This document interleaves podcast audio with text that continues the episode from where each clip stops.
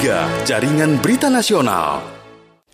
Selamat pagi untuk Anda pendengar yang masih tetap setia bersama kami di Pro 3 RRI. Kita akan lanjutkan Indonesia Menyapa Pagi. Ya, saya akan ajak Anda untuk mengikuti dialog layanan kesehatan kerjasama antara FKUI dan Radio Republik Indonesia yang pagi hari ini akan membahas terkait dengan USG. Jadi kalau Anda memiliki pertanyaan mengenai hal ini, silakan Anda juga bisa sampaikan pertanyaan Anda di 081399 399 888 081 399 399 888. Pagi hari ini pendengar kami akan berbincang bersama dengan Dr. Dr. Evita K. Berhamsyah, SPAK. Jadi silakan untuk Anda sekali lagi ingin bertanya, Anda bisa sampaikan pertanyaan Anda di 081 399 399 888. Dialog Kesehatan.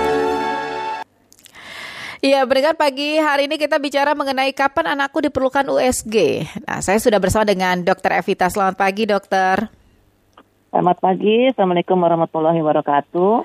Iya, dokter kan kalau biasanya USG itu uh, apa ya akrab lah begitu untuk ibu-ibu yang tengah hamil ya. Nah, ya. uh, kemudian kadang-kadang nih baru berapa bulan orang udah nanya udah USG belum. nah sebenarnya tuh yeah. USG itu diperlukan itu untuk apa dan uh, kapan sih tepatnya begitu kita harusnya melakukan USG itu? Ya baik uh, ya memang yang sekarang sering kita dengar kan itu untuk ibu-ibu ya, mm-hmm. tapi itu juga sangat uh, digunakan pada anak ya. Mm-hmm. Karena USG itu sendiri bukan X-ray, bukan tidak menggunakan X-ray. Dia hanya menggunakan gelombang suara. Makanya pada ibu hamil kan juga aman ya diberikan. Nah sebenarnya tuh untuk anak-anak itu sudah bisa terlihat, sudah, sudah bisa diketahui kelainan bayinya itu dari mulai ibunya, ada dalam kandungan dalam ibunya. Nah kapan dilakukan? Kalau dari mulai uh, ditemukan kelainan bayinya pada waktu USG ibu, itu harus dikonfirmasi pada waktu lahir. Apakah kelainan tersebut memang masih ada, bertambah berat, atau justru menghilang. Nah itu memang digunakan. Nah, setelah itu ya banyak kegunaannya. Sama seperti pada dewasa misalnya pada kelainan ginjal, pada kelainan uh, empedu ya. Memang empedu tuh banyak sekali ya. Kita mesti gunakan ya karena uh, sering kali ada kuning misalnya gitu ya. Jangan selalu dianggap uh, apa-apa ya. Memang sebagian besar kuning itu memang uh, masih fisiologis. Tetapi ada uh, sebagian kecil yang kita mesti hati-hati. Karena kalau memang disebabkan karena uh, tidak terbentuknya ya saluran empedu, nah maka itu akan harus harus ditangani dengan segera. Dan hmm. itu bisa dilihat dengan mudah. Dengan hanya menggunakan ultrasonografi. Apalagi bayi prematur, bayi prematur hmm. itu punya resiko kan untuk terjadi uh, perdarahan misalnya kekurangan oksigen misalnya. Dan itu akan uh, berdampak kepada kepalanya dan kepada perkembangannya nanti depannya. Dan itu harus kita deteksi juga dengan dengan dini ya sehingga kita dapat mencegah uh, kegangguan perkembangannya kita bisa stimulasi pada pada bayi itu. Apalagi infeksi, infeksi apa? Infeksi saluran kemih. Yeah. Ini sekarang kan karena apa namanya itu terlambat ganti popoknya lah atau misalnya kurang bersih ya sehingga anak-anak itu menjadi sangat mudah mengalami infeksi saluran kemih. Ini juga penting ya.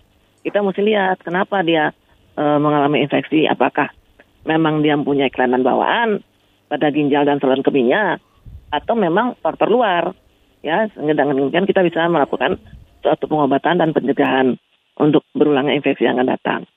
Nah, apalagi misalnya pada uh, saluran cerna juga bisa, mm-hmm. ya kan saluran cerna anak itu muntah, mm-hmm. ya atau sakit perut, ya seperti mm-hmm. itu yang tidak bisa dijelaskan penyebabnya.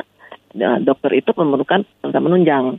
Nah itu dengan menggunakan USG itu antara lain ya. Iya. Yeah. Itu. Uh, Nah, ini uh, metode ini menjadi pilihan karena uh, sebenarnya dia bisa maksudnya begini, uh, apa yang membuat USG ini menjadi met salah satu metode yang dipilih begitu untuk melihat tumbuh kembang janin sih, dokter? Ya, karena kan dia tidak tidak memberikan radiasi ya. Mm -hmm. Kalau pada radiasi itu kan mengganggu ya, tidak mm -hmm. boleh, tidak aman untuk dia mempunyai uh, mempengaruhi perkembangan pada bayi tersebut ya. Mm-hmm. Oleh karena itu sekarang ini banyak pemeriksaan yang beralih ke ultrasonografi. Dulu dulu dulu semuanya mungkin X-ray X-ray X-ray tapi dengan bertambahnya uh, pengetahuan, kemudian bertambah canggihnya alat-alat kedokteran, sekarang pengguna ultrasonografi itu banyak menggantikan pemeriksaan-pemeriksaan yang dulu hanya bisa digunakan dengan pemeriksaan X-ray. Jadi hmm. jadi itu lebih aman hmm. ya khususnya pada anak-anak okay. karena dia hanya merupakan gelombang suara. Oke, okay. berarti ada tidak hal-hal yang harus diperhatikan atau disiapkan begitu oleh uh, orang tua sebelum melakukan USG? Nah, itu persiapan juga ya. Hmm. Umumnya pemeriksaan USG itu tidak perlu persiapan umumnya, okay. ya. Hmm. Tetapi ada beberapa hal yang memerlukan persiapan. Misalnya apa? Misalnya pada tadi ya anak itu kuning, ya. Jadi kita mau lihat ada nggak ada e, masalah di saluran pedunya. Nah untuk itu anak itu harus dipuasakan. Kenapa puasa? Kalau dia tidak puasa, empedu itu kan akan terpakai ya, sehingga kandung empedunya tidak kelihatan. Sedangkan kita kan mau nilainya kandung empedunya. Nah kita mau tahu kan kandung empedunya normal atau tidak. Untuk itu harus puasa. Ibunya sering kali ibu ini hmm. tidak tega karena bayinya masih hmm. kecil. Yeah. Aduh nggak tega dok, masih puasa 4 jam misalnya gitu. Nah kadang-kadang suka bohong. Sudah begitu ya, padahal uh, belum ya dokter ya. Nah, padahal itu penting sekali untuk dokter itu menyatakan ini ada sumbatan atau tidak. Kan pengobatannya beda. Satu operasi, satu tidak. Seperti itu. Okay. Oleh karena itu kita mesti disiplin. Kalau memang harus puasa, puasakanlah dengan benar. Kalau harus diminumkan, setelah itu dia biasa dua fase istilahnya. Fase pertama dia dipuasakan dulu untuk melihat bagaimana kandung penuh tadi, ya apakah memang ada artinya terbentuk ya. Lalu bagaimana setelah itu diminumkan? Ya, kalau diminumkan dia harusnya uh, dia karena terpakai dia akan uh, kecil karena penuh terpakai jadi kandung kemurnya kecil. Artinya fungsinya baik kan. Nah, itu penting sekali. Sebelumnya dipuasakan, kemudian diberi minum, minum benar gitu. Mm-hmm. Itu sering tuh mm-hmm. kejadian.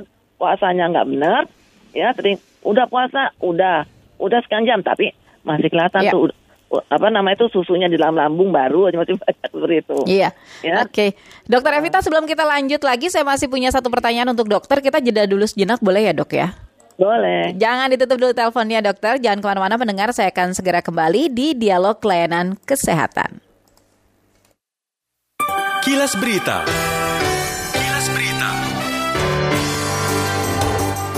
Dewan Pengawas Komisi Pemberantasan Korupsi Dewas KPK telah mengklarifikasi Kepala Biro SDM Zuraida Ratno Pamungkas dan Kepala Biro Hukum Ahmad Burhanuddin terkait polemik pemberhentian dan pengembalian Brigjen Endar Priantoro di instansi Polri. Dewas tidak menjelaskan waktu klarifikasi terhadap dua pejabat struktural KPK tersebut dan Dewas pun belum memutuskan pelaksanaan sidang etik terkait laporan yang dilayangkan langsung oleh Endar ini. Lembaga pengawas ini beralasan masih membutuhkan keterangan dari sejumlah pihak terkait lainnya. Informasi ini dan juga informasi lainnya bisa Anda baca di rri.co.id.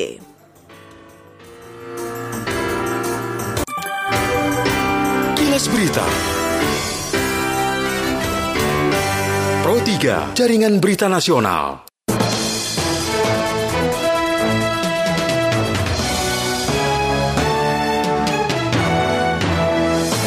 Pro 3 Jaringan Berita Nasional.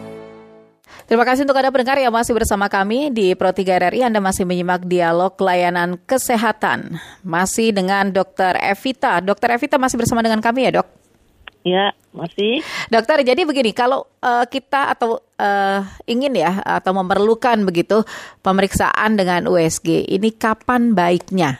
Itu jadi pada saat sudah mulai ada di ada di uh, untuk untuk penyakit atau misalkan untuk untuk apa apa yang apa yang dirasakan terlebih dahulu lalu kemudian kita sudah mulai memutuskan untuk oh ini kayaknya saya harus uh, USG deh. Apa ini, dokter?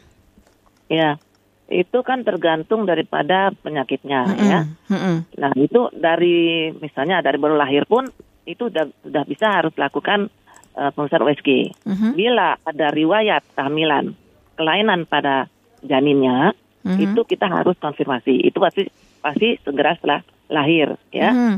uh, itu kita uh, harus uh, kita lakukan pemeriksaannya. Kemudian uh, setelah itu resikonya pada bayi itu dalam kandungan tidak ada masalah.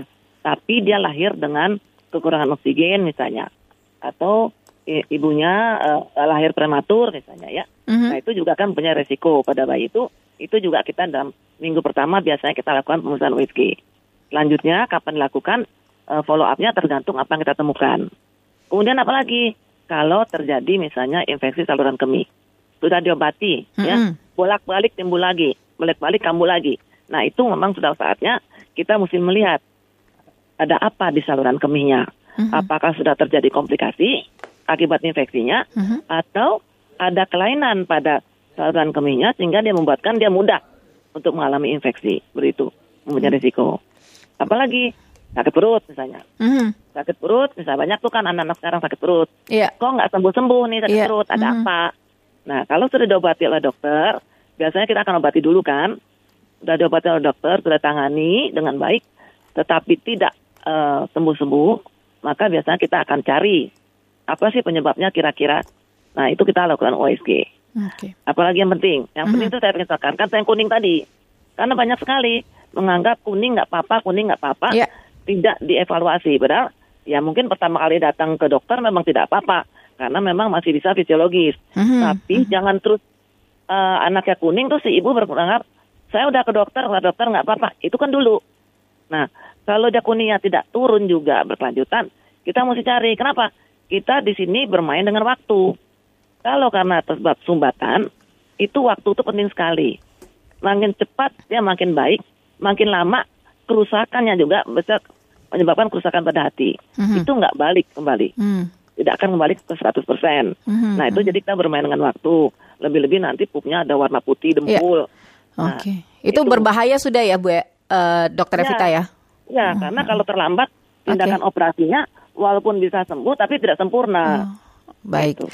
baik Dokter Evita, terima kasih dokter sudah uh, berbincang bersama kami pagi hari ini. Selamat kembali ya. melanjutkan aktivitas, sehat selalu dokter. Sama-sama, sehat selalu. Terima kasih. Demikian mendengar dialog layanan kesehatan pagi hari ini kerjasama antara FKUI dan Radio Republik Indonesia. Dialog Kesehatan.